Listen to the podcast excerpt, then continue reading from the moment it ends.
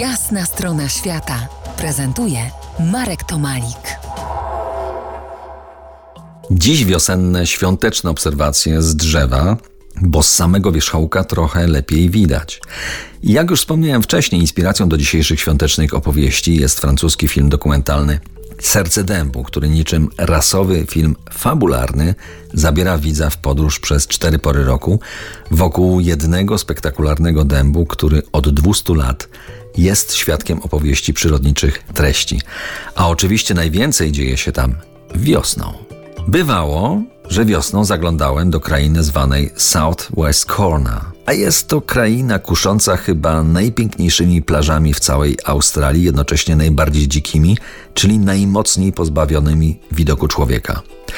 Ale jest to też kraina bardzo wysokich drzew, tych jeszcze niepokonanych przez człowieka. Jest tam takie ciche miasteczko Drwali, bardziej wioska o nazwie Pemberton. Pemberton otoczony jest lasem jednych z najwyższych drzew na świecie, eukaliptusów z rodziny Kari.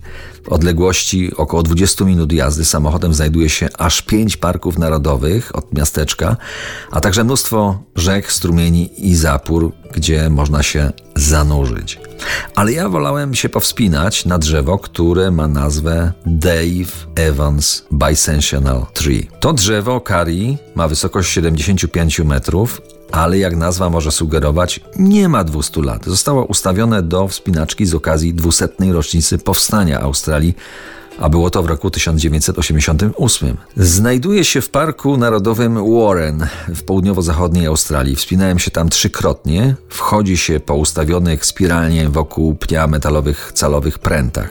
Jest ich 165, ale trudno utożsamiać te pręty z normalnymi schodami. Wydaje się to niebezpieczne, ale po przejściu pierwszych 10 metrów wchodzenie zamienia się w challenge.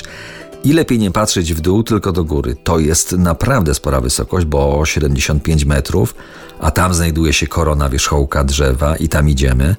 To odpowiednik 22 piętra.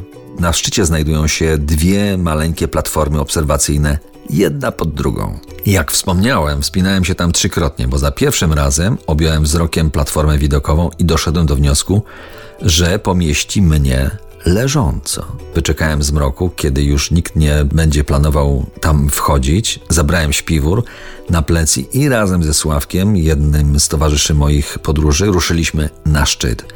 To była spokojna, bezwieczna noc, ale deski, na których się ułożyliśmy, tańczyły lekko, uchylając się co najmniej metr od pionu drzewa. Nie czułem strachu. Zatopiłem się w dźwięki otaczającego lasu, a widok stamtąd mam w głowie do dzisiaj, jakby to było wczoraj. Kilka lat później przespałem się na tym drzewie kolejny raz. To jest jasna strona świata w RMS Classic.